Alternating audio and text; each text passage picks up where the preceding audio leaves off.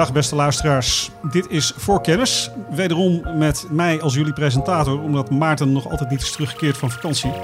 Schandelijk plichtsverzuim uh, van hem. Um, ik zit hier vandaag met Karel Merks, zoals altijd. There are three ways to make a living in this business. Be first, be smarter or cheat. No, I don't cheat. Beleggersbelangen presenteert Voor Kennis. En ik zit hier niet alleen met Karel, want Stefan Hendricks, onze andere usual suspect, is er ook niet bij vandaag. Gelukkig hebben wij Hildo Laman bereid gevonden om ons uh, via Microsoft Teams te woord te staan. Uh, Hildo, welkom bij deze podcast. Dankjewel. Um, we gaan het uh, vandaag hebben over uh, de beursgang van Robinhood, over goudmijnen, over publieke en private schulden in de Verenigde Staten. En over de prestaties van Amerikaanse aandelen op zeer lange termijn. Uh, naar aanleiding van een interessant wetenschappelijk onderzoek dat Karel is tegengekomen. En waar Hildo geloof ik nog wel wat gaten in gaat schieten. Dus dat wordt uh, buitengewoon interessant allemaal. Maar voordat het uh, zover is, ga ik uiteraard eerst aan Hildo en Karel vragen waar zij zich de afgelopen week mee hebben bezig gehouden. Hildo, waar heb jij de afgelopen week naar gekeken? Nou, ik was uh, nogal verbaasd dat, uh, uh, over het feit dat de AEX zowel maandag, dinsdag als woensdag nieuwe koersrecords heeft neergezet. Um, zonder dat daar heel veel bombarie bij kwam kijken. Het is eigenlijk een beetje min of meer geruisloos zo gepasseerd. Um, en dat vond, ik, dat vond ik zelf wel opvallend. En ben ook een beetje gaan nadenken waarom, dat, waarom ik dat dan opvallend vond. Um, Um, daar, ten eerste wat ik opvallend vond is dat, dat uh, vaak heb je op, op hele goede beursdagen dat zo'n beetje alles uh, wat maar genoteerd is hoger staat. Dat was niet het geval. Zowel dinsdag als maandag waren er zes dalers. En woensdag waren er zelfs 10 van de 25 AEX-aandelen uh, in de min gesloten. Um, maar ik ben dus even gaan kijken. En wat dat denk ik vooral is waarom ik zo verbaasd was dat het eigenlijk zo geruisloos uh, is, is, is verlopen, is dat uh, in mijn werkzame leven heb ik eigenlijk um, tot dit jaar um, nooit een AX-record uh, meegemaakt. Um, en nu, nu rijgen de records zich ineens alleen.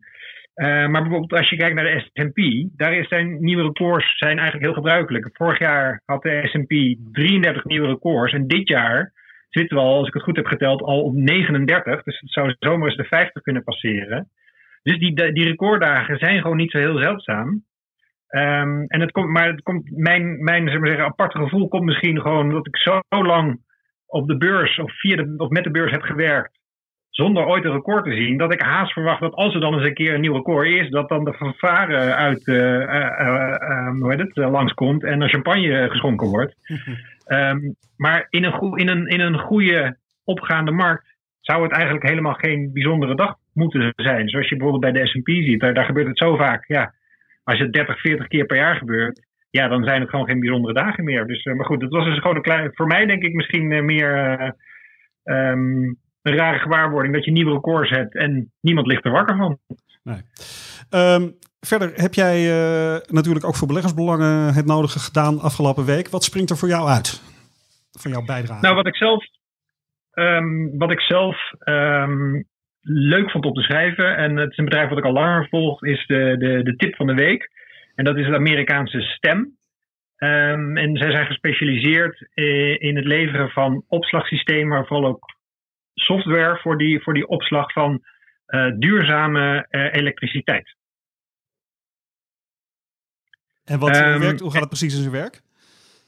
Nou, wat zij, zij, maken, zij maken geen uh, batterijen voor de duidelijkheid. Zij kopen batterijen van bijvoorbeeld Panasonic of Samsung of um, Tesla ook bijvoorbeeld. Um, maar zij plaatsen dat dan bij klanten. En wat, wat, wat mij betreft het bedrijf onderscheidt van heel veel andere bedrijven, is dat zij um, software hebben die op basis van kunstmatige intelligentie het, het gebruik, dus de opslag, maar ook de afgifte van, van elektriciteit door die batterijen optimaliseert. Dus um, als, uh, kijk, bijvoorbeeld elektriciteitsprijzen zijn niet continu gelijk. Kijk, als gewoon een huishouden heeft gewoon min of meer vaste prijzen vaak voor elektriciteit. Maar voor bedrijven geldt dat vaak niet. Um, en het kan dus zijn dat, um, dat bijvoorbeeld s'avonds tussen, nou noem maar wat, tussen 6 en 10 elektriciteit uh, extra duur is. En um, dan is het dus handig dat, uh, dat je op zo'n moment de batterijen, de energie die in de batterij is opgeslagen, gebruikt. zodat je minder elektriciteit nodig hebt van het, van het net, van de, van, de, van de grote energiemaatschappijen, laten we maar zeggen. Um, terwijl als dan s'nachts om bijvoorbeeld drie uur, vier uur, vijf uur, als uh, het elektriciteitsverbruik laag is en dus de prijzen van elektriciteit laag, dat zijn dan goede momenten om uh, um, te proberen, als dat kan, op te laden. Um, en zij, uh, zij gebruiken dus software. Die, die software hebben ze dus, dus dusdanig ontwikkeld dat bedrijven daarmee 10 tot 30 procent van hun energiekosten kunnen besparen. En dus ook energie kunnen besparen. Wat wat voor mij een hele belangrijk, um, heel belangrijk punt is. Want um, um, kijk, op zich opslag en die batterijen, ik denk op de lange termijn gaat dat niet heel veel geld opleveren. Uh, wat, wat je gewoon ziet is dat hardware, daar zitten gewoon over het algemeen niet hoge marges in. Maar software, daar zitten wel uh, vrij hoge marges op. Um, en wat een ander voordeel is, is dat zij um, langdurige contracten afsluiten. Je gaat niet zomaar, als je eenmaal zo'n zo'n systeem hebt, ga je dat niet elk jaar uh, veranderen. Dus die, die, als zij eenmaal zo'n software, als zij eenmaal die hardware hebben geïnstalleerd, uh, dan worden er vaak voor 10 of 20 jaar um, contracten afgesloten voor die, voor die software. Ja. Dus op de lange termijn ga je dat bij STEM, ga je dat denk ik uh, zien in de, in de resultaten. Ja. Hildo, ik vind dat echt een top uh, omschrijving. Ik had er zelf nog nooit van gehoord. Uh, waar ik dan nieuwsgierig ben, hoe ben je dit bedrijf tegengekomen? Hoe ben je op dit idee gekomen? Nou, ik, het is. Uh, ik, en uh, ja, zoals jullie ongetwijfeld bekend is, de SPACs die, waren, die zijn natuurlijk zeker begin dit jaar waren helemaal in. En dit bedrijf is via. En, en dat, dat, ik vond het zelf heel leuk om te volgen. Ik vond niet alles over even, even interessant. Um, maar ik kwam dus via een, een kwam ik uh, Stem tegen. Want Stem is naar de beurs gegaan via een SPAC. Uh, toen uh, was ik gewoon geïnteresseerd, omdat zij dus vooral die combinatie tussen die software en die hardware. Want ik denk dat alleen, kijk, batterijen hebben we natuurlijk heel hard nodig. Um, maar die toevoeging van die, van die kunstmatige intelligentie software, waardoor je dat systeem kan optimaliseren, um, dat is volgens mij wel echt een, een toegevoegde waarde in, uh, in die duurzame economie. En, daarom, en sindsdien volg ik het een beetje. Uh, ik, ik, had ik heb het al een paar maanden staan op, zal maar zeggen, mijn uh, wenslijstje wat betreft tips. Um, want het liefst tip ik zo'n aandeel natuurlijk als het lekker laag staat. Maar het, het, ja, zoals je wel zou kunnen verwachten bij zo'n type aandeel, en zeker omdat het ook een, een spak, via de spak, een spak naar de beurs is gegaan, beweegt het nogal. En het zit de laatste paar weken zit het weer een beetje in een neergaande spiraal. En voor mij is het met dit soort aandelen kun je dat beter kopen um, op het moment dat het wat, wat zakt. Want uiteindelijk ook de toekomst. Uh, uh, je koopt het dus echt voor volgend jaar of verder. En niet voor volgende week of volgende maand. Nee. Dus uh, zo, zodoende. Duidelijk. Um, dankjewel, Karel. Over naar jou. Waar heb jij afgelopen week naar gekeken? Ik heb net als vorige week gekeken naar, naar China. Want er gebeurt werkelijk een hoop. Uh, als eerste natuurlijk de bekende Producer Price Index. Die meet de prijzen van uh, de industrie. En die zijn uh, de afgelopen 12 maanden met 8,8% gestegen door vooral hogere grondstofkosten en hogere arbeidslonen. En dit is belangrijk omdat China is de werkplaats van de wereld en is daarom in staat om uh, prijsveranderingen te exporteren. En 8,8% uh, inflatie bij de bedrijven is uh, behoorlijk hoog. En daarnaast viel het op dat het wat stress aan het komen is in de Chinese obligatiemarkt. Was de high yield rente op obligaties op 1 juni nog 8%. Op 22 juli was het 9% en afgelopen week tikte de Chinese high yield index 10% aan. Dus de rente is daar, uh, daar flink aan het oplopen. En deze stress is ook uh, te zien bij sommige financiële aandelen, zoals de Chinese Industrial and Commercial Bank of China. En dit is de grootste bank op de wereld. Heeft een balans van eh 5,24 biljoen. En een biljoen is eh, duizend keer een miljard. En ter vergelijking, ING, de grootste bank in Nederland, zit nog niet eens op een eh, biljoen. En de grootste Amerikaanse bank, JP Morgan, heeft een balans van eh, 3,6 biljoen. Dus ook nog eh, nou ja, anderhalf biljoen eh, minder dan eh, de grootste Chinese bank. En die Chinese bank is afgelopen week eh, behoorlijk gedaald. En zelfs zo ver gedaald dat ze onder de laagste koersen van eh, 2020 zijn uitgekomen. Dus tijdens de coronacrash. En dat vond ik op zich wel opvallend dat de grootste systeembank op de wereld aan het dalen is. En Heeft dat, nog, ook. heeft dat nog een effect op andere banken, denk je? Is het een, eh, een teken dat er in de, in de sector eh, wereldwijd iets eh, aan het schuiven is? we- in ieder geval niet wereldwijd. Het zal sowieso beginnen in China. Maar China is natuurlijk wel verweven met de rest van de wereld. En als er één sector is om moeilijk te analyseren, zijn het banken. Ik bedoel, in het Westen is het al moeilijk omdat banken zogenaamde off-balance sheets hebben. We hebben fractioneel bankieren en we werken allemaal met een hefboom. Dus er komt helemaal niemand, eh, kan het echt goed doorgronden.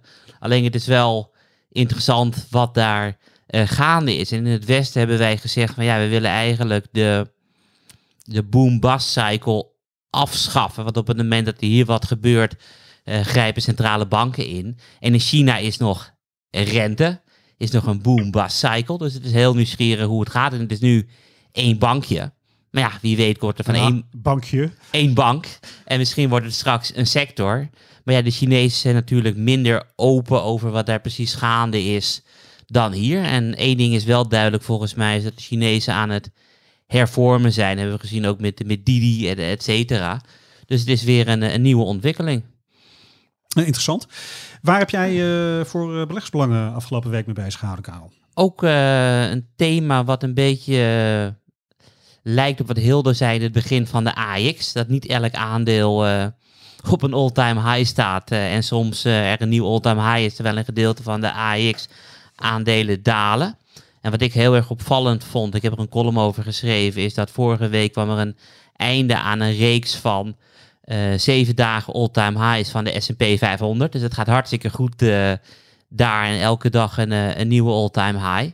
Maar kijk je naar de gemiddelde koers van een eh, aandeel in de S&P 500, dan noteren zij op een koers die lager is dan de gemiddelde koers van de afgelopen 50 dagen. Dus 50% van de aandelen noteert lager dan de gemiddelde koers van de afgelopen 50 dagen. En eh, het sentiment is een beetje aan het omslaan. En zaken als eh, de IPO-index of de Russell 2000-index of de Green, eh, Green Tech-index, die zijn allemaal eh, aan het dalen. En toen we bij de voorbespreking hadden, heel dat over die AX all-time highs, dacht ik van laat ik even kijken hoe belangrijk ASML is voor de AX. En ik heb gekeken vanaf eh, 1 januari 2016. En toen stond de AX eh, 300 punten lager.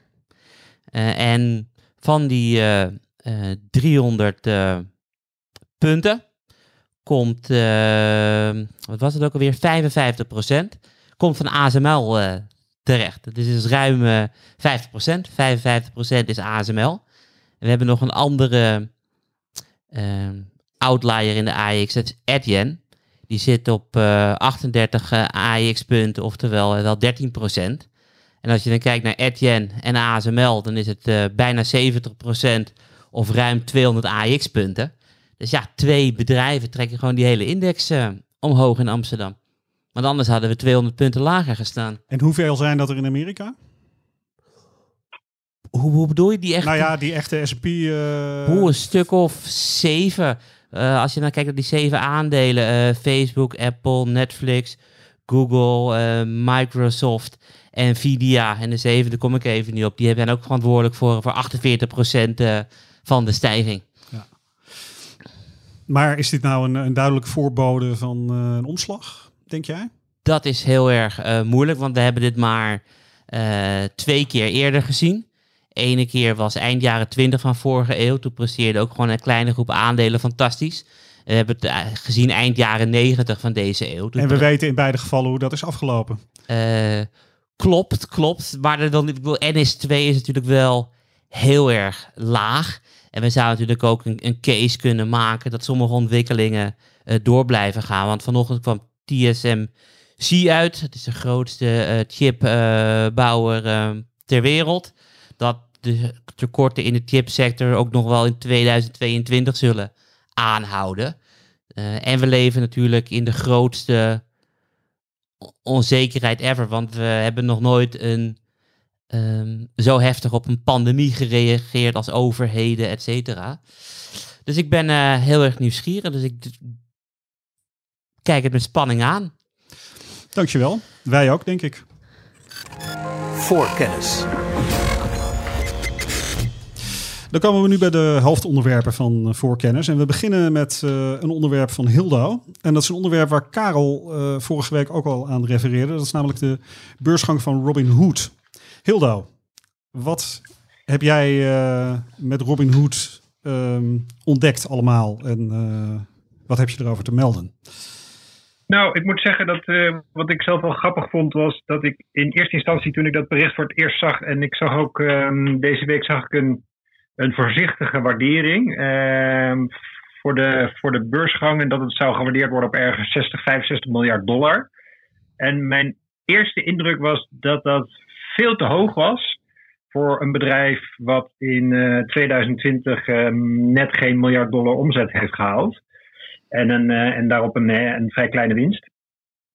Um, de, uh, en, en ik heb verder nog wel wat andere uh, op- en aanmerkingen op Robinhood. Maar ik moet zeggen dat ik, ik heb me dus gisteravond daar nog even in verdiept. En ik moet zeggen dat ik een klein beetje van mijn een negatieve um, mening heb laten, moeten laten varen. Um, want het groeit, groeit gewoon als kool. In het eerste kwartaal hebben ze ongeveer 550 miljoen aan omzet gedraaid. Dus ze hebben in één kwartaal uh, meer dan de helft van de totale omzet van heel 2020 geboekt. Um, dus het gaat gewoon, uh, als je gewoon naar de, naar de cijfers kijkt, gaat het gewoon ontzettend goed. Um, met uh, Robin Hood, als ze dat doorzetten, dan, dan zit er dit jaar een omzet van 2,5 tot 3 miljard in. Dus 2,5 of drievoudig van vorig jaar. Een enorme groei. Um, en ook als je kijkt naar die waardering. Ik heb even uh, Charles Schwab, dat is een uh, grote Amerikaanse broker, dat is beursgenoteerd. Dat heeft een uh, omzet van ongeveer 11, 12 miljard dollar. Ik weet het niet meer exact uit mijn hoofd, zoiets. En een beurswaarde van ongeveer 130 miljard dollar. Dus die zitten op ongeveer, nou laten we zeggen, 11 keer de omzet aan beurswaarde. En Robinhood, als je dus even die, die 2,5, 3 miljard pakt en een waardering van 60 miljard, dan zit je op 20, 25 keer, laten we zeggen. Um, en dat is, uh, als je dat vergelijkt met Charles Schwab, is dat niet zo heel gek. Zeker als je bedenkt dat Robin Hood als, als kool groeit. En de keerzijde, ik heb nog steeds wel wat, uh, behoorlijk wat op een aanmerking. Um, want Robin Hood heeft wel de twijfelachtige eer om de allerhoogste boete ooit uh, van, van de, de FINRA, is een soort um, Amerikaanse broker-toezichthouder. Uh, gekregen in afgelopen juni van, uh, van 70 miljoen in totaal. Um, en dat is voor een partij die zich, uh, die zich Robin Hood noemt, die dus op wil komen voor de kleine particuliere belegger, vind ik het toch wel opvallend dat jij zo'n enorme boete krijgt. Um, want ja, waar, waar Robin Hood gewoon groot mee is geworden, is dat imago, dat David tegen Goliath imago. Een beetje moeder Teresa-achtig, van wij gaan het allemaal goed doen. Um, en dan vind ik het toch wel opvallend dat jij dan zo'n enorme boete aan je broek krijgt. En bovendien um, ben, ik in, ben ik niet zo heel enthousiast over het verdienmodel. Zij verdienen geld door. Uh, ze vragen geen uh, transactiekosten van, aan hun klanten. Dus je kan daar gratis transacties doen als klant. Um, maar ze verkopen die, die transactieorders, die verkopen ze aan professionele handelaren. Nou, die, die betalen dus uh, Robinhood geld voor die, voor die transactiestroom. Um, en die, gaan, die willen dat natuurlijk, die betalingen, die willen dat natuurlijk terugverdienen. En ik zelf vind principieel dat jij als klant, uh, zou ik graag willen dat jouw broker jouw belang behartigt. Dus dat jouw transactie op de meest gunstige uh, prijs wordt uitgevoerd. maar dat is toch ook zo, Hildo, want volgens mij is in de Amerikaanse wetgeving verplicht dat je eh, minimaal de bid-ask spread moet leveren die op de Ja, beurs klopt. geldt. En op het moment dat je het buiten de beurs eh, gaat aftikken tegen elkaar, dan moet je het of tegen een korting doen, wat regelmatig gebeurt, of tegen de, prijs op de beurs. En dat betekent toch dat je als particuliere belegger eh, geen nadeel hiervan hebt. Nee, het- ik denk ook dat het. eh, dat, het is bij mij meer, meer een, een principe kwestie. Ik denk, want bijvoorbeeld, als jij bijvoorbeeld met limietorders werkt, dan is de kans gewoon heel groot dat, eh, dat je of op je limiet koopt, oftewel op de, of, verkoopt, oftewel dan krijg je de prijs die je had willen hebben, of het wordt niet uitgevoerd. Ehm, dat is natuurlijk ook altijd nog een mogelijkheid. Ehm, maar het gaat mij meer om het. Kijk, die, die, die, die professionele handelaren, die, die willen natuurlijk ook geld verdienen. En daar is niks mis mee. Ehm, daar, dat is namelijk hun baan, zo simpel is het. Daar ben ik op zich ook niet op tegen. Maar ik wil gewoon, ik betaal zelf, en dat is gewoon puur persoonlijke mening. Ik, ik betaal zelf liever een vast bedrag of een, of een vast bedrag plus een heel klein percentage eh, aan mijn broker. eh, om dan zeker te weten dat ik eh, uitvoering krijg op een redelijke, redelijke prijs. en ook gewoon via een, via een gewone, op een gewone beurs. Dan dat ik via een onderhandse markt bijvoorbeeld of dat soort dingen. Daar ben ik gewoon zelf niet zo'n fan van. Ehm, en ik, dus dat, dat is gewoon, maar dat is, dat is zeker, dat, daar, zit- daar zit zeker een persoonlijke, we zouden zeggen, een persoonlijke voorkeur in. Ehm, maar even goed, zoals ik al zei, ik ben dus op zich wat minder negatief geworden over eh, Robin Hood, moet ik zeggen, dan ik in eerste instantie was. Ik heb ook een andere dat vraag, eh, Hildo. Ehm, Ja. En Volgens mij, je moet me even corrigeren, want jij bent er be- beter ingedoken dan ik. Komt een dubbelcijferig eh, percentage van de omzet van Robinhood vanuit transacties met crypto, waar volgens mij nog een derde daarvan eh Dogecoin is. En volgens mij is eh, GME en die grote bioscoopketen in de Verenigde Staten ook belangrijke drijvers. Denk jij dat we eh, die meme-gekte door moet gaan voor Robin Hood? Of kan Robin Hood ook goed presteren zonder al die meme-gekte? Nou, wat ze zelf bijvoorbeeld zeggen is dat eh, een meerderheid van hun eh, klanten buy-and-hold klanten zijn. Eh, ze hebben er overigens daarbij niet bij gezegd wat ze dan kopen en vasthouden. Want als dat inderdaad meme-stocks zijn, ja, dan, dan, houdt, dan houdt het alsnog op zodra die meme-stocks een keer ophouden. En ik denk dat dat een keer ophoudt. Ehm, maar nee, dat is, dat is inderdaad een goed punt. Want, dat, dat wordt in, want ik heb inderdaad ook die, die uitsplitsing gezien in die verschillende eh, de categorieën. En daar, daar is inderdaad crypto er één van. En ik denk niet dat op hele korte termijn crypto gaat verdwijnen, eerlijk gezegd. Dus daar maak ik me niet zo druk over. En die meme stocks, ehm, ik denk dat het. Ik, ik, ik vermoed dat het, eh, dat effect eh, dat dat zeker merkbaar zal zijn, maar dat op de lange termijn het al mee zal vallen. Ehm, want kijk, kijk, dat soort allerlei beleggingstrends waar dan mensen massaal op, op springen, dat heb je in de afgelopen decennia natuurlijk wel vaker gezien. Ehm, en het is gewoon belangrijk dat er voldoende ehm, beleggers blijven hangen, dus overgaan op een ander type beleggingen. Of dat er nieuwe beleggers bijkomen. En dat is eigenlijk ook altijd zo. Ik bedoel, er, er komen altijd weer nieuwe generaties beleggers aan. Er, komen, er zitten ook weer jongere generaties die over vijf of tien jaar beginnen met beleggen. Dus wat dat betreft denk ik dat zo'n Robin die, die, die, hele meme-hype op de lange termijn echt wel kan overleven. Eh, maar op de korte termijn zou dat zomaar inderdaad wel eh, eh, een aantal kwartalen of misschien wel een paar jaar voor mindere resultaten zorgen. Laatste vraag, Hildo. Heb je inmiddels het prospectus al gevonden van Robin Hood? Want dat was eh, nogal een eh, Ja. dingetje, geloof ik, hè? Ja, ik vond het ook opvallend. Dat, eh, want ik, ik, ik, ik was dus, ik dacht van nou, laat ik ga dan eerst maar eens even dat prospectus ehm, opzoeken. Want ze hebben op 1 juli aangekondigd dat ze dus daadwerkelijk die IPO hebben gelanceerd. En dat is de bedoeling dat de komende twee weken dat het aandeel, in juli dus als de komende twee weken, het aandeel genoteerd gaat worden in, in de VS. Eh, en ik dacht, nou, dan staat er, hebben ze vast op de site hebben ze een mooi, mooi, eh, mooi hoekje gemaakt waarin dan al die IPO-informatie te vinden is. Maar niets van dat alles. Op, op een hele site werd met geen woord over die IPO gered. Dat vond ik, ik vind dat zelf opvallend. Als jij je bedrijf, je bedrijf naar de beurs brengt, dan zou ik zeggen van nou, dan besteed daar dan ook eh, aandacht aan. En dan, ja, maar dat is, was dus niet zo. Ik heb het inmiddels gevonden, want het, het moet namelijk, je moet namelijk zo'n prospectus moet je wel indienen. Dus via de SEC zo een Amerikaanse beurstoezichthouder ook, ook, ook weer, laat het zo zeggen.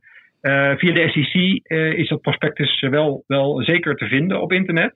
Maar ik vond het gewoon nogal opvallend dat ze zelf daar. ehm, dat ze dat zelf niet op de website eh, hebben geplaatst. Of althans niet op een plek waar ik het heb kunnen vinden.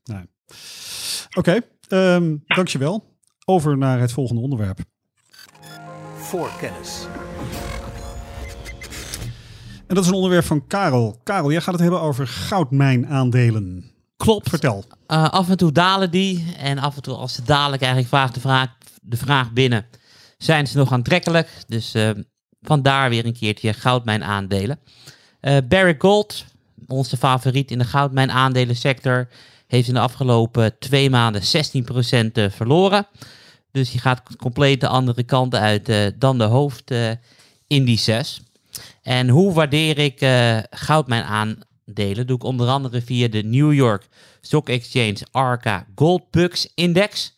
En dat doe ik omdat in deze index goudaandelen zitten die een toekomstige voorraad of verkopen aan goud eh, niet hedgen. Eh, en Bucks in die index staat ook voor Basket of Unhedged Gold Stocks. En door te kijken naar de verhouding tussen de Goldbug Index en de goudprijs valt er een uitspraak te doen over de waardering van de goudmijnaandelen. En als we kijken naar de afgelopen 25 jaar, dan is de gemiddelde verhouding 0,31. En de huidige verhouding is 0,15. En dit betekent feitelijk dat op het moment dat goudaandelen met 100% stijgen en de goudprijs blijft gelijk, dan zitten we weer op 0,30 en dan zitten we weer op de gemiddelde waardering van de afgelopen 25 jaar. En daaraan durf ik wel de conclusie te hangen dat de goudmijnaandelen minimaal eh, relatief goedkoop zijn. Maar ik denk ook eh, absoluut goedkoop zijn als je ziet wat er allemaal in de wereld eh, gaande is. En eh daarom wil ik nogmaals mijn, eh, mijn koopadvies voor Barrick Gold herhalen. Maar eh, de belegger die geen individueel aandelenrisico wil lopen, kan ook bijvoorbeeld gaan voor de iShares Gold Producer Usage ETF gaan. Ehm, dank. Wat ik wel opvallend vind, is dat die, eh die goudmijnaandelen dus eh, erg laag staan. Terwijl tegelijkertijd de laatste tijd iedereen de mond vol heeft over inflatie die oploopt. En ik eh, met mijn beperkte kennis van de economie, althans vergeleken met, met jou Karel en jou Hildo, toch altijd heb begrepen dat eh, goud is wat je moet hebben bij oplopende inflatie. Klopt. En wat we dus, eh, als we even uitzoomen, dan zien we ook dat die goudmijnaandelen het fantastisch gedaan hebben. Want sinds 2016 hebben goudmijnaandelen een hoger rendement- rendement gegeven dan de S&P 500, wat een van de beste aandelenindices is. Alleen op korte termijn kijken beleggers niet wat er nu gebeurt, maar die kijken van eh, wat er gaat eh, gebeuren. Dus we hebben net natuurlijk eh, gehad van iedereen bang voor inflatie. En we wisten ook allemaal dat inflatie eraan zou komen vanwege de jaar op jaar effecten. En in maart en april 2020 was er deflatie. Dus iedereen weet nu al dat de komende maanden de inflatie gaat dalen. En dan wordt goud weer verkocht. Ehm, dus het is golfbewegingen. Maar ik denk dat die golfbewegingen langzaam hoger uit zullen komen. Dus elke keer als het dan weer eh, wat naar beneden gaat, wijs ik er weer eventjes op. Ehm, en speelt het beleid van centrale banken hier misschien nog een rol en de stimulering? Ja, dit speelt wel een rol. Want ik bedoel, we hebben natuurlijk een maand geleden eh Powell gehad. Die gezegd heeft, we gaan eh, de rente een jaartje eerder verhogen. Dus we gaan niet meer in 2024 doen, maar we gaan naar eh, 2023. Dus hij is nu aan het afremmen. Eh, je ziet ook de rente wat dalen. Eh, dus het beleid speelt sowieso een rol op, op lange termijn. En dat is ook de reden waarom, als we echt helemaal uitzoomen naar rendementen in de 21ste eeuw, dan zie je ook dat goud een hoger rendement behaalt, ook over 20 jaar, dan de S&P 500. En alleen ehm, al het quantitative easing komt pas op lange termijn in de koersen en niet op de, op de korte termijn. Dus op het moment dat iedereen op korte termijn onzeker wordt en het verkoopt, dat is juist een mooi moment om de aandacht erop te ve- vestigen. En Hetzelfde wat Hildo net deed op de- die batterijtechniek. Ik bedoel, het is een fantastisch verhaal. Hildo denkt van, hé, hey, het gaat alleen maar omhoog. Ik hou gewoon eventjes mijn mond, ik ga wat anders doen. En als het daalt, dan wijs je er weer op. En dat is volgens mij uh, de manier om bovengemiddelde rendement op lange termijn te behalen. Dankjewel. Voorkennis. Het derde hoofdonderwerp, dat is uh, een onderwerp van Hildo. Hildo, je hebt gekeken naar Amerikaanse schulden en dan met name de verhouding tussen private en publieke schulden. Leg uit. Um, ja, nou, ik, ik kwam hierop. Ik zag vorige week een, uh, een berichtje dat het um, percentage dat Amerikaanse huishoudens um, aan uh, schuld uh, besteden van hun inkomen, dat dat op, een, op het laagste punt in 40 jaar was uitgekomen. en ik bedoel dus, dus, dus rentebetalingen en aflossingen. daar besteden Amerikanen nu dus re behoorlijk relatief weinig aan. Um, en kijk, wat, wat daar is, het is natuurlijk best wel makkelijk om daar verklaringen voor te vinden. Um, die e-, enorme steunpakketten die in de VS zijn, uh, zijn doorgevoerd, uh, net als hier in Europa overigens. Uh, en de lage rente, die zorgen natuurlijk voor dat, je, dat, je, dat schuld gewoon minder zwaar op het, op het huishoudinkomen drukt.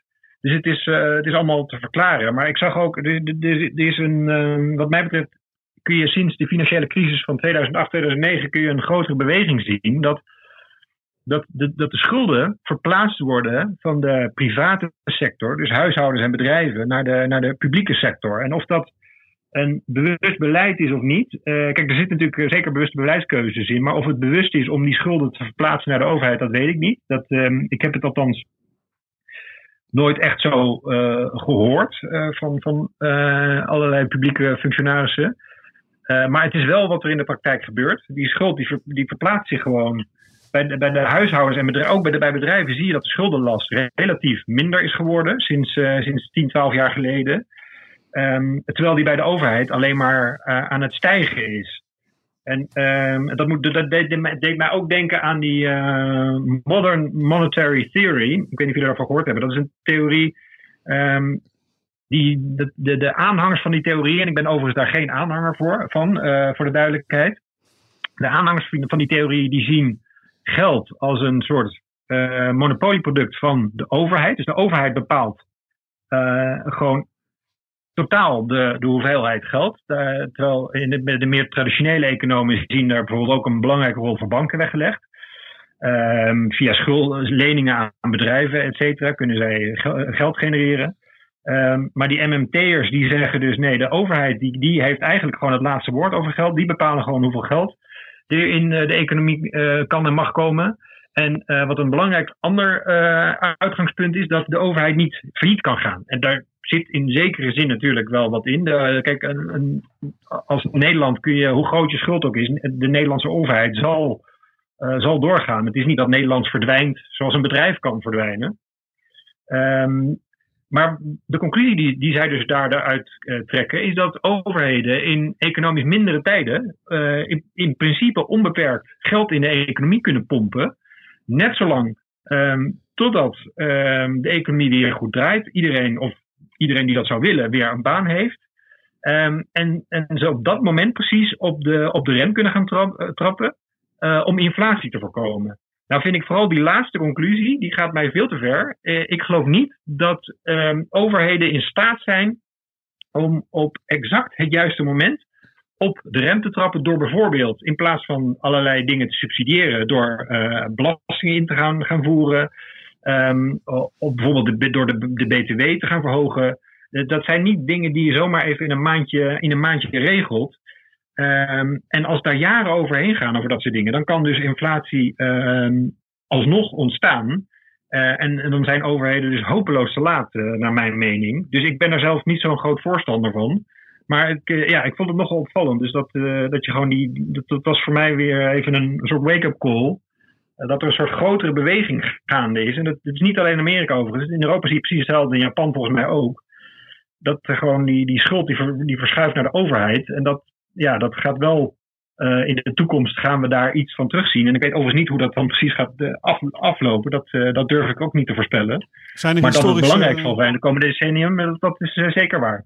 Ja, zijn er historische parallellen waaruit we lering kunnen trekken in dit opzicht? Ja, heb ik ook over nagedacht. Ik, ehm, in, in een aantal opzichten is dit volgens mij wel een bijzondere periode. Maar het, maar het idee dat de overheid ehm, gewoon, ehm, nou ja, maar, maar, maar even een beetje korter de bocht te zeggen, eh, de geldpers aanzet.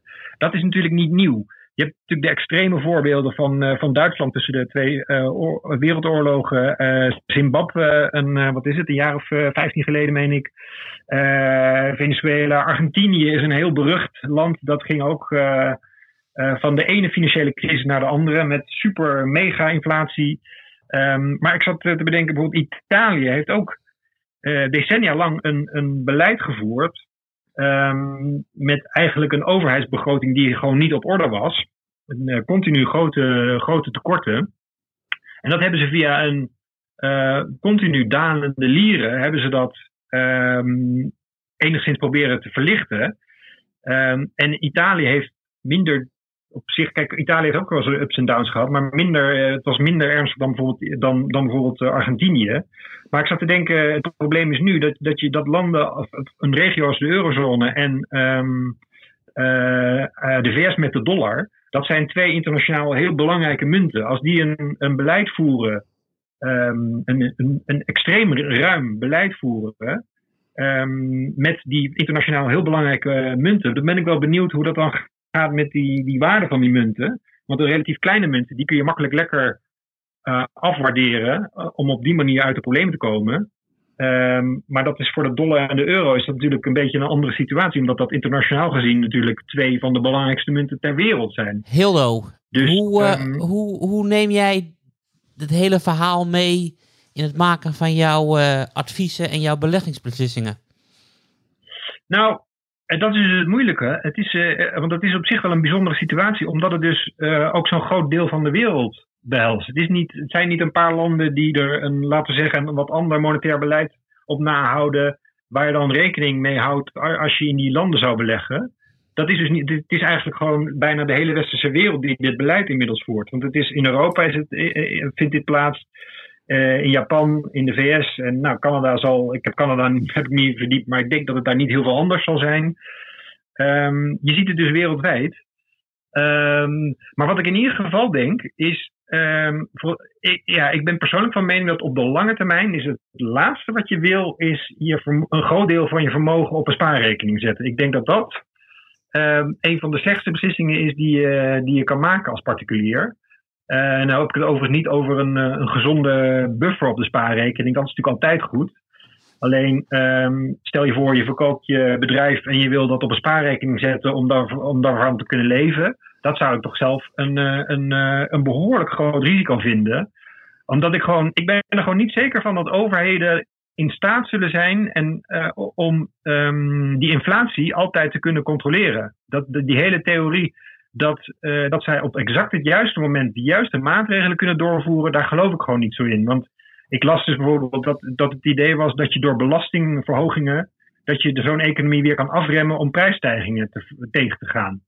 Maar uh, volgens mij weet iedereen dat in een democratie kun je niet van vandaag op morgen even de belastingen zomaar verhogen. Zo, zo werkt het uh, gewoon niet. Helemaal niet als er, uh, als er verkiezingen voor de deur staan. Nee, precies. Dus de, dat, die hele theorie van, ach, dat, de problemen van, van dit beleid, dat zien we later wel. Ja, dat is natuurlijk vragen om problemen. Um, overigens is MMT uh, nog, nog lang niet overal echt officieel, uh, voor mij nergens zelfs, uh, nergens. overheidsbeleid. Nergens, want het is officieel is MMT op het moment dat de inflatie te laag is, dan moet je belastingen verlagen. Ik bedoel, geen enkel land heeft in de afgelopen jaren de belasting verlaagd omdat we niet aan die 2% zouden uitkomen. En het zou natuurlijk met automatische stabilizers, zoals ze het in het Engels noemen, moeten. Zodat de overheid ja. er totaal geen vat op ja. heeft. Dus op het moment dat we nu in de Verenigde Staten uh, een CPI hebben, was het 5,4 procent, moet de belasting gewoon uh, voor iedereen flink omhoog. Automatisch. Ja. Ja, maar wat, wat ik bedoel, kijk, ondanks dat NNT dus nergens officieel beleid is, zie je dus wel dat wat er de laatste, ja, laten zeggen, de laatste twaalf jaar gebeurd is, is heeft wel uh, op een of andere manier komt dat wel neer op uh, in ieder geval gedeeltelijk op wat die MNT'ers propageren. Namelijk dat de overheid gewoon als een dolle geld in de economie gaat pompen. Om, om de boel maar gaande te houden. En ze hebben in zekere zin, ik bedoel, Keynes die heeft dat, nou, wat is het, 80 jaar geleden heeft hij ook al over geschreven. Ze hebben natuurlijk een punt. Het probleem van een crisis is dat als iedereen de hand op de knip houdt, ehm, dat, je tegelijkertijd, dat tegelijkertijd mensen geen, geen inkomsten hebben. Want de een zijn uitgave is de ander zijn inkomsten. Dus, dus hoe stimuleer je een economie in zo'n crisistijd? Zorg ervoor dat die mensen de portemonnee weer trekken. Dus in, in er zit natuurlijk wel een, een, uh, een zekere waarheid in dat de, de, de overheid zoiets kan steunen. Maar de keerzijde is natuurlijk, wanneer hou je op met dat soort beleid? Dat is natuurlijk het, het, het moeilijke en uh, cruciale punt. En we hebben bij de laatste, uh, hè, vanaf 2008 hebben we gezien, nou, hè, uiteindelijk is de ECB gaan stimuleren. Maar toen het vervolgens weer veel beter ging met de economie, is ook gewoon blijven stimuleren. Precies. Klopt, maar de grootste test komt in september.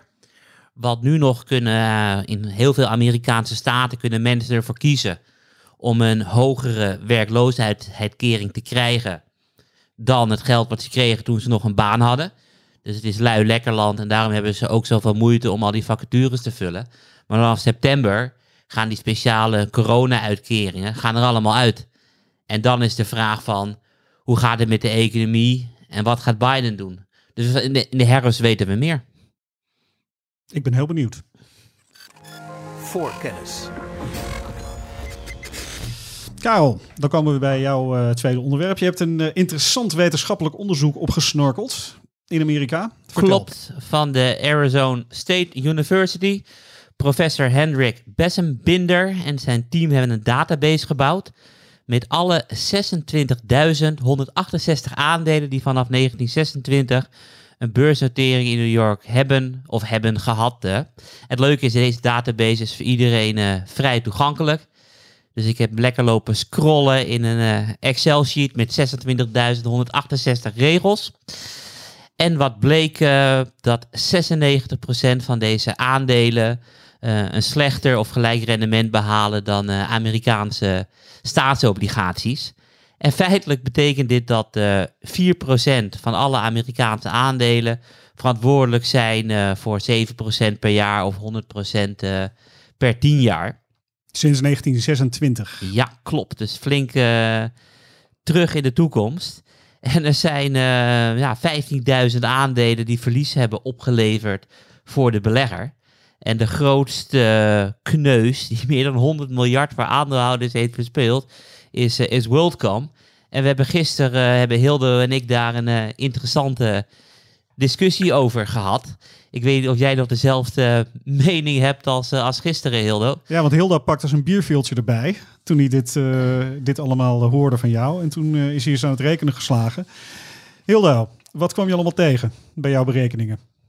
Nou ja, intuïtief Ehm, vond ik dit meteen een klein beetje problematisch. Omdat, uh, kijk, hoe je, hoe je het ook bent of keert, uh, volgens mij blijkt uit, nou, ik weet niet hoeveel honderden of duizenden studies dat het, uh, het langetermijnrendement van aandelen in ieder geval positief is. en volgens mij ook hoger is dan dat van staatsleningen. Um, nou, als je dat gegeven neemt en je hoort dan vervolgens dat 96% van alle aandelen onder het rendement van uh, staatsleningen uitkomt, dan kun je dus op je klompen aanvoelen dat die 4% die daarboven uitkomt, daar niet zomaar een klein beetje boven moet uitkomen om dat gemiddelde boven dat van staatsleningen te, te krijgen, maar daar echt aanmerkelijk hoger moet, uh, moet uitkomen. Dan heb ik het dus niet over 10 of 20% maar en dan ben ik dus even in een Excel-bestandje ben ik daar heel even mee aan, aan het plussen geslagen. Stel je voor dat je dan zegt, die Amerikaanse, die, of althans die 96 um, ja, black holes heb ik ze maar genoemd, de zwarte gaten, de bedrijven die er niet zoveel van bakken. Um, stel dat die gemiddeld 4% per jaar opleverden. Uh, dat is dus lager dan die 5 à 6% gemiddeld voor Amerikaanse staatsleningen. Dan moeten um, de stars, zoals ik maar even heb genoemd in uh, mijn Excel-sheetje, die moeten dan per jaar 79% rendement opleveren om uh, samen voor de, voor de aandelen op uh, eh, 7% per jaar uit te komen. Wat volgens mij um, historisch gezien uh, een, een redelijke schatting is van het gemiddelde rendement wat je mag verwachten op een aandelenportefeuille. Dus dat betekent dat, um, dat die 4% van die aandelen elk jaar 79% stijgen um, en een klein beetje dividend ongetwijfeld, maar dat zal bij die 79% een heel klein gedeelte zijn. Maar heb ik eens even gekeken. Bijvoorbeeld Nvidia, wat afgelopen vijf jaar toch echt een van de meest succesvolle aandelen is, uh, is geweest. Met een stijging van iets van de 1300 procent. Dat komt per jaar neer op 67 procent. Dat is een prachtige performance. Maar dat is dus niet genoeg om bij die stars uit te komen. En daardoor zat ik te denken van... Um, hebben ze niet ergens lopen spelen met, uh, met, uh, met de statistieken of, um, of ja, met, met de uitgangspunten van een onderzoek om tot een hele leuke, um, aandachttrekkende uh, conclusie te komen. Um, en ik ben, ik ben er overigens nog niet helemaal uit. Maar ik heb dus zeker hele grote vraagtekens en een beetje argwijn bij dit onderzoek. Omdat het gewoon cijfermatig. Ja, en toen viel je even weg, Hildo. Maar ik denk dat de boodschap duidelijk is. Karel, wat is daarop uw antwoord? Mijn antwoord is dat uh, uh, het heeft mij ook aan het nadenken gezet. Um, alleen ik denk dat naar al die onderzoeken die kijken naar aandelenrendementen in de Verenigde Staten vanaf 1800 of vanaf 1900 of vanaf 1950, wat de belangrijke data zijn, niet kijken naar uh, de volledige Amerikaanse aandelenmarkt. Dus ze kijken meestal naar de Dow Jones, waar sinds 1896 uh, 30 aandelen in zitten. Of ze kijken naar de S&P 500, waar uh, slechts 500 uh, aandelen in zitten. Dus maar een heel klein gedeelte van de volledige Amerikaanse aandelenmarkt. En als we dan kijken naar die 26.168 aandelen, die sinds 1926 uh, beursgenoteerd zijn, dan blijkt dat 100% van het rendement komt door 1175 verschillende uh, aandelen. En als je dan kijkt naar die 1175 aandelen die voor al het rendement hebben gezorgd, het zijn net al die aandelen die in de S&P 500 hebben uh, gezeten. En we hebben het vaak niet over die 15.000 aandelen, wat echt een heleboel is, 15 keer zoveel, die voor verlies hebben veroorzaakt. Um, oftewel, die indices waarnaar we kijken, laten alleen de echte toppers zien. En als je dan kijkt wat voor troep op de Amerikaanse beurs genoteerd heeft gestaan. Het is echt enorm. We hebben een film natuurlijk gehad, Wolf of Wall Street, die een uh, gedeelte van de luisteraars wel bekeken zal hebben. We hebben ook uh, pink sheets aandelen, uh, aandelen van, van penny stocks. We hebben in de jaren negentig gehad dat iedereen maar zijn eigen aandeel bijna emitteerde. Dus op het moment dat je kijkt naar die beste aandelen, die komen alleen in die indices en die 96 procent is, is troep die nooit in de S&P 500 uh, terecht is gekomen. Dus, dus natuurlijk is het heerlijke uh, uh, marketing. En ik geloof ook niet dat 4% van de S&P 500 verantwoordelijk is voor, voor al het rendement. Maar ja, ik geloof best dat er 1200 aandelen zijn die gewoon echt goed zijn. En dat er 15.000 aandelen, wat een veelvoud is, echt troep is. En dat die 15.000 op haar beurt uh, behoorlijk voor verlies hebben gezorgd. Spelen de grote crashes hier nog in mee? 1929 zit natuurlijk ook in, uh, in deze periode. Ja, maar ik heb in die Excel-sheet heb ik even uh, gekeken. En je ziet wel dat tussen 29 en 41 heel veel bedrijven ermee gestopt zijn. En je ziet ook dat begin van deze eeuw ook heel veel bedrijven ermee gestopt zijn. En al die Pet Shop, Com, et cetera. Die hebben nooit natuurlijk in de S&P 500 gezeten en hebben wel heel veel waarde vernietigd voor beleggers. Jij uh, gaat dit nog uh, verder uitzoeken, want je hebt uh, deze onderzoeker een mailtje gestuurd. Klopt, want ik, was, ik vond het echt mooi wat Hildo had gemaakt met black holes en stars. Ik denk, dat ga ik gewoon great. Ik ga het gewoon jatten van Hildo. Dus heb ik naar die man gestuurd. Ik ben benieuwd hoe hij hierop reageerde. Ik bedoel, ik heb mijn verklaring gegeven. Ik weet niet of hij met dezelfde verklaring komt of met, met wat anders. Maar ik hoop op een reactie. En anders ga ik hem stalken. En uiteraard komt het nog een keertje terug in de toekomstige uitzendingen van Voorkennis. Wordt vervolgd. Ik ben ook nieuwsgierig. Voorkennis. Daarmee hebben we de hoofdonderwerpen van Voorkennis afgesloten en komen we bij de vooruitblik uh, naar de komende week. Hildo, waar ga jij naar kijken de komende week? Nou, de, de halfjaarcijfers uh, die, die, die uh, zijn uh, zo'n beetje begonnen. En Nederland is de, komende, de komende week aan de beurt. ASML in de sector die ik volg, de, de halfgeleiders, de chips, is natuurlijk een hele belangrijke. Maar um, gek genoeg verwacht ik niet zo gek veel bijzonders van, van ASML. Dus die, eh, het mooie van ASML eigenlijk is dat ze zo succesvol zijn dat die kwartaalcijfers eigenlijk relatief voorspelbaar zijn. Eh, en je ziet ook de koersuitslagen zijn over het algemeen niet, eh, niet al, te, al te gek. Eh, met uh, 2, 3, 4 procent plus of min heb je het meestal wel gehad. Dus daar gek genoeg vind ik ASML, ja, daar ben ik gewoon wat minder nieuwsgierig naar. Um, het is een veel, veel, veel kleinere Nederlandse chipper, um, Rood Microtech, waar ik, wat volgende week donderdag komt daar ben ik eigenlijk uh, met een update, daar ben ik eigenlijk nieuwsgieriger naar. Omdat um, Road Microtech heeft al jaren problemen om in de, in de, in, in de plus te komen, om winst, echt, echt winst te maken.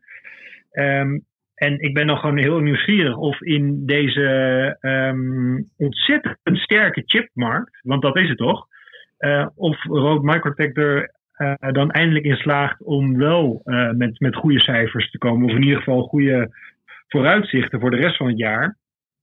Uh, want als dat niet het geval is, dan zou ik me bij zo'n bedrijf. Ik heb overigens voor de duidelijkheid, ik heb een koopadvies erop. Um, maar als dat uitblijft, dan zou, dan zou ik me toch gaan afvragen, als, in ieder geval als, als, als belegger, van ja, als het nu niet uh, goed gaat, wanneer dan wel? Hoe goed moet de markt worden, wil uh, Rood Microtech uh, winst gaan maken? Heel dus wat doet... dat ik ben naar, naar daarnaar dan naar ASML. Wat ja. doet Rood Microtech anders dan de bekende drie chippers in Nederland? Nou, um, um, de, de, de drie bekende, die maken allemaal machines. Dat doet uh, Microtech niet. Die, die verlenen een aantal diensten rondom uh, de chipproductie. Dus als je bijvoorbeeld een specifieke chip wil voor, ik noem maar wat, voor een airbag. Zij leveren onder andere um, leveren ze chipdiensten aan, aan autobedrijven. Maar stel je, je wil dus een, een, een, een, een, specifiek, een bepaald type chip voor een airbag. Um, dan kan Rood Microtech, die, die kan daar bepaalde technische diensten uh, voor zo'n chip kan die, kan die leveren. Uh, en, en het is dan op veel en veel kleinere schaal. Het zijn dus ook veel meer um, bedrijfsspecifieke toepassingen. Zij verkopen niet honderden miljoenen uh, chips voor, voor in een smart, smartphone, om maar eens wat te zeggen. Het is veel, allemaal veel kleinschaliger. Het zijn kleinschalige individuele projecten die, die zij meer doen. Um, maar even goed, die, kijk, die, die chipmarkt, want dat, dat zag je dus in, die, in de autobranche, daar, daar is nu ineens een tekort aan chips. Um, en je zou toch zeggen dat zo'n rood Microtech daar op linksom of rechtsom op een of andere manier wel iets van zou kunnen merken. En als, je, als ze dat nu niet gaan merken, dan, ja, dan zou ik me gaan afvragen, van, ja, wanneer dan wel? En dan uh, zit er ook een adviesverlaging aan te komen, proef ik zo bij je. Ja, dat zou, dat zou zomaar kunnen. Zo, om, ja, vanwege wat ik net al heb gezegd. Wanneer, uh, als het nu niet goed gaat, wanneer zou het dan wel goed moeten gaan?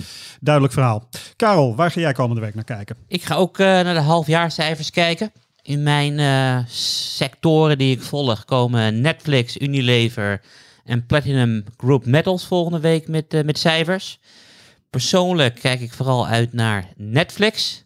En op 21 april in mijn laatste analyse schreef ik groeistokt aandeel duikelt. Uh, mooi koopmoment. Wat was er aan de hand?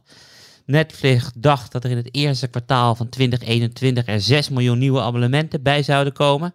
Het werden er maar uh, 4 miljoen. En dat is een totaal aantal van uh, 208 miljoen.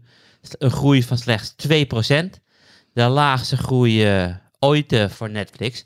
Dus ik ben heel nieuwsgierig hoe de abonnementen zich in het tweede kwartaal hebben ontwikkeld. En daarnaast heeft Netflix een aantal vacatures op zijn website geplaatst in de gamesontwikkeling uh, sector. Dus Netflix gaat uh, denk ik definitief ook naar uh, de gamewereld toe. We hebben alleen de vacatures en er gaat sowieso vragen worden gesteld aan de persconferentie. Dus die ga ik lekker een uurtje luisteren, kijken wat Reed Hastings ons allemaal te vertellen heeft over uh, Netflix en games. Nou ben je al heel lang heel enthousiast over, uh, over Netflix. Klopt. Uh, terwijl door de concurrentie steeds meer toeneemt, kan je wel zeggen. En Disney het met name met, met Disney Plus wel erg goed doet. Klopt. Waar je overigens ook een koopadvies op geeft. Klopt, maar in de streamingwereld is Netflix nog steeds mijn favoriet. Ze lopen qua technologie voor. Ze lopen ook qua hoeveelheid Emmy Awards. Dus de uh, prijs die ze hebben gewonnen voor eigen ontwikkeld series, lopen ze ook helemaal uh, voorop. En daarnaast, wat mij heel erg veel overtuiging gaf, was een jaar geleden een onderzoek van de New York Times. Die onderzocht dat de gemiddelde Amerikaans huishouden drie streamingdienstabonnementen heeft. Uh, dus ze kunnen naast elkaar leven. En ik denk dat heel veel mensen vergeten wat 200 miljoen abonnementen betekent. Ik bedoel, 200 miljoen abonnementen betekent als je een tientje vraagt per maand, dat er elke maand er 2 miljard binnenkomt. En die abonnementen groeien nog steeds. Dus er is zo'n enorme cashflow. Er worden waarschijnlijk ook dividenden uitgekeerd, aandelen ingekocht. Dus ik denk uh, dat nog niet iedereen begrijpt hoe groot Netflix is en gaat worden. Dankjewel. Daarmee uh, komen we aan het einde van deze voorkennis. Volgende week uiteraard weer. Dan uh, zal ik er ook weer zijn. Daarna met Stakel Lichteringen. Volgende week wederom met Karel Merks. En ik geloof dat Stefan dan terug is. Nee, we of hebben uh, Jeff Thijssen van oh, de redactie. Jeff Thijssen volgende week. Dat is het oh, voordeel dat... van zo'n uh, grote redactie. Ik kijk er nu al uit. Ik uit. ook. Dank Hildo. Dank Karel. en tot volgende week.